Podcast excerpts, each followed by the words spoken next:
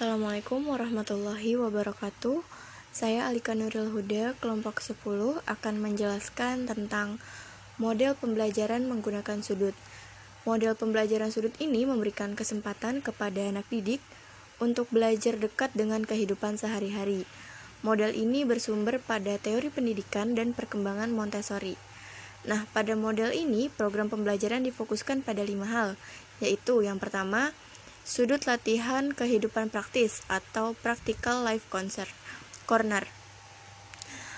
Di sudut ini, anak-anak diberi kesempatan untuk meniru apa yang dilakukan oleh orang dewasa di sekitar mereka setiap harinya.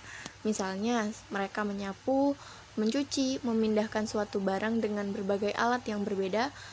Contohnya ada sendok, sumpit, dan lain-lain. Kemudian membersihkan kaca, membuka dan menutup kancing atau resleting, membuka dan menutup botol atau kotak, mengelap gelas yang sudah dicuci, dan sebagainya. Melalui berbagai aktivitas yang menarik ini, anak-anak juga diajarkan untuk membantu diri mereka sendiri, berkonsentrasi, dan mengembangkan kebiasaan bekerja dengan baik.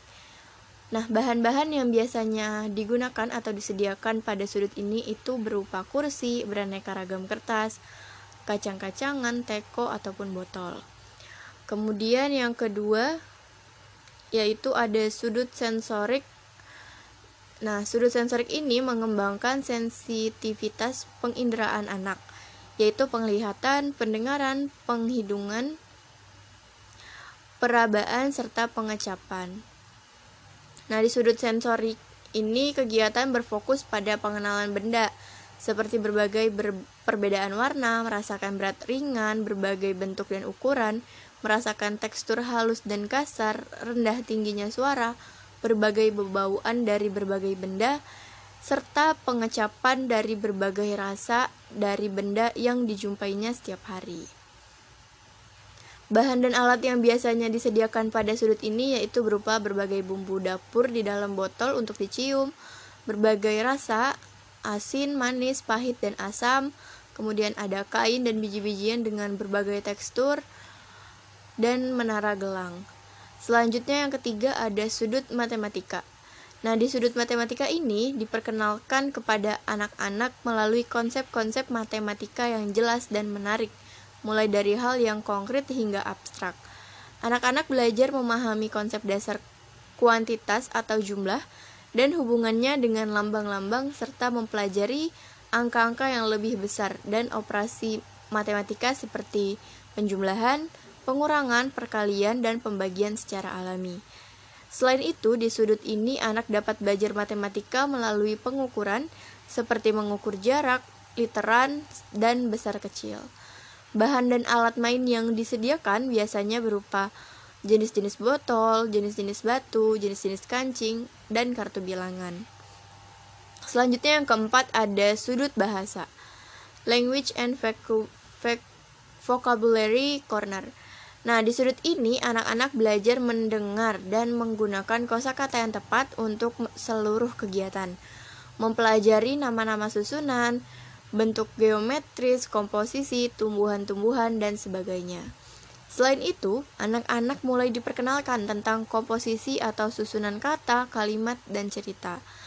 Bahan dan alat main yang biasanya disediakan pada sudut ini yaitu ada rak barang, kartu huruf, folder anak, serta macam-macam gambar.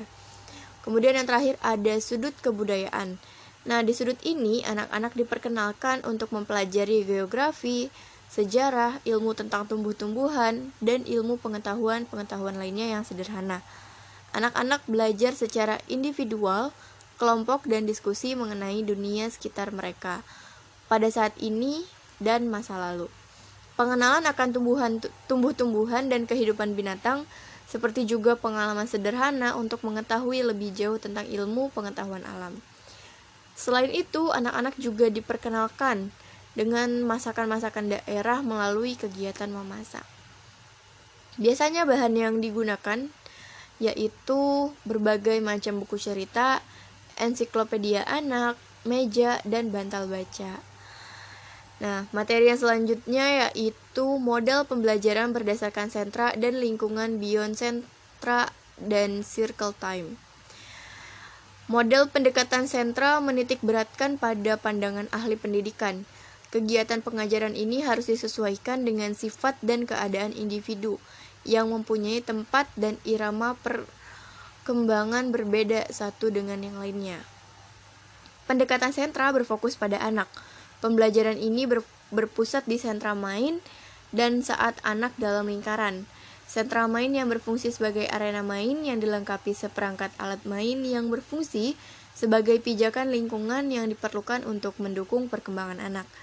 Nah, sedangkan saat lingkaran adalah saat pendidikan duduk bersama anak dengan posisi melingkar untuk memberi pijakan pada anak yang dilakukan sebelum dan sesudah main. Ruang kelas ini, ruang kelas juga dapat dimodifikasikan menjadi kelas-kelas kecil yang disebut ruangan atau sentra-sentra. Di setiap sentra terdiri dari satu bidang pengembangan. Ada sentra ibadah, sentra bahan alam, sentra main atau sentra seni, dan sentra main peran mikro, sentra balok, serta persiapan sentra seni dan kreativitas, sentra musik dan sentra tubuh, sentra memasak. Nah, seorang guru ini bertanggung jawab pada 7 sampai 12 siswa saja dalam moving class. Setiap hari dari satu sentra ke sentra lainnya. Untuk menerapkan metode ini, guru harus mengikuti pijakan-pijakan guna membentuk peraturan dan keteraturan bermain dan belajar. Pijakan-pijakan tersebut adalah sebagai berikut.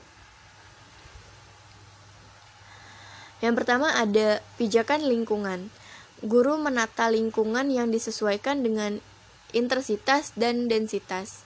Kemudian ada pijakan sebelum bermain. Guru akan meminta siswa untuk membentuk lingkaran. Guru ada di antara siswa sambil bernyanyi. Kemudian guru meminta para siswa untuk duduk melingkar. Lalu guru meminta para siswa untuk berdoa bersama. Kemudian guru menanyakan siswa uh, kepada siswa dan siswi tentang kesiapannya mendengar cerita dan memasuki sentra. Selanjutnya guru mulai bercerita menggunakan media yang disesuaikan dengan tema. Selanjutnya guru menginformasikan jenis mainan yang ada dan menyampaikan aturan bermain. Dan yang terakhir ada guru meminta siswa untuk masuk ke arena sentra. Selanjutnya ada pijakan saat bermain. Yang pertama, guru mempersiapkan catatan perkembangan siswa. Kemudian guru mencatat perilaku, kemampuan, dan celetukan siswa. Kemudian ada guru membantu siswa jika dibutuhkan dan guru mengingatkan siswa bila ada yang lupa atau melanggar aturan. Selanjutnya, pijakan setelah bermain. Guru meminta siswa untuk membereskan mainan dan alat yang dipakai. Kemudian guru meminta siswa menceritakan pengalaman bermainnya sambil menghitung jumlah kegiatan yang dilakukan. Selanjutnya, guru menutup kegiatan dengan berdoa bersama dan guru membagikan buku komunikasi sebelum pulang.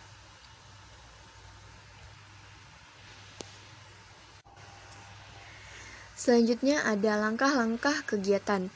Yang pertama, penataan lingkungan bermain. Jadi, sebelum anak datang, guru harus menyiapkan bahan dan alat bermain yang digunakan sesuai dengan rencana dan jadwal kegiatan yang telah disusun untuk kelompok yang dibimbingnya. Guru akan menempatkan alat dan bahan permainan yang akan digunakan, yang mencerminkan rencana pembelajaran yang telah dibuat, sehingga tujuan anak selama bermain dengan alat tersebut dapat dicapai. Kemudian, yang kedua, kegiatan sebelum masuk kelas atau penyambutan anak biasanya dilakukan dalam waktu 10 menit. Guru akan menyambut kedatangan anak dengan tegur sapa, senyum, dan salam. Anak-anak langsung diarahkan untuk bermain bebas bersama teman-teman sambil menunggu kegiatan dimulai.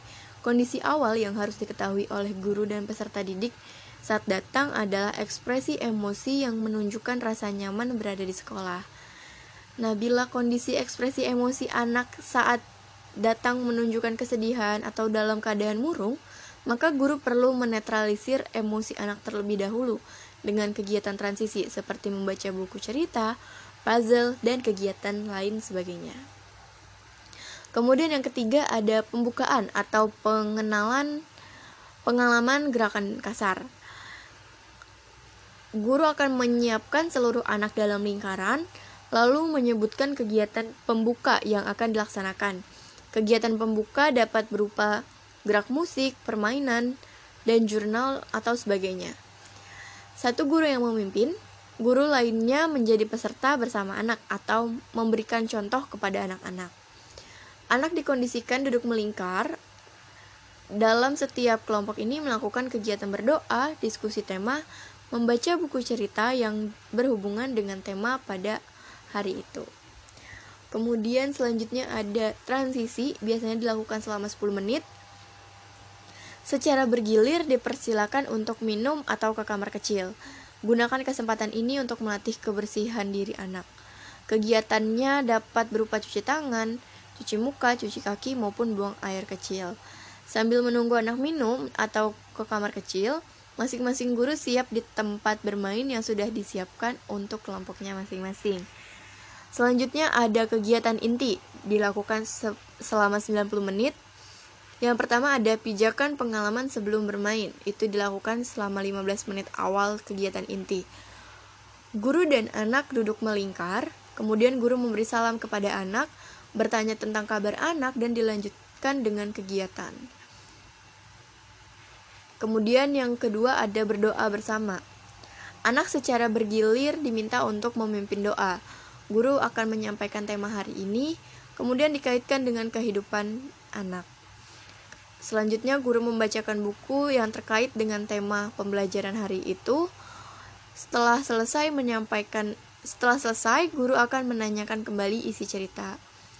Dan guru menguatkan isi cerita dengan kegiatan bermain yang dilakukan anak. Guru mengenalkan semua tempat dan alat main yang sudah disiapkan.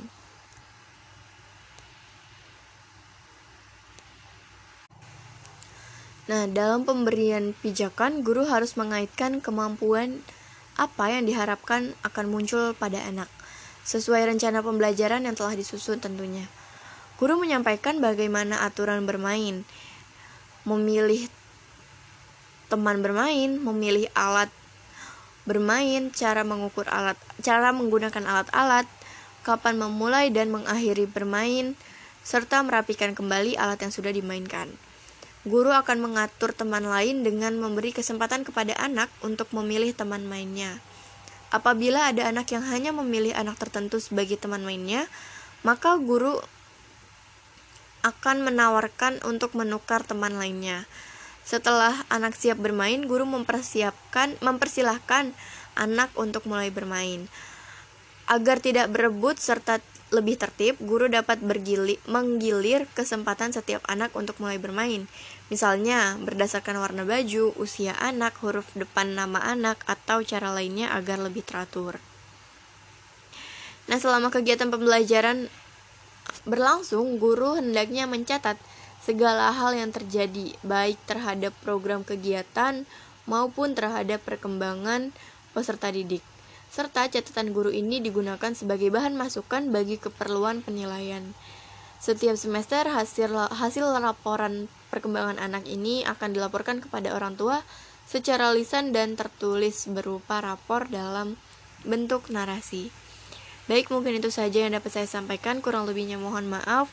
Wabillahi taufiq wal hidayah. Wassalamualaikum warahmatullahi wabarakatuh. Saya kembalikan kepada moderator.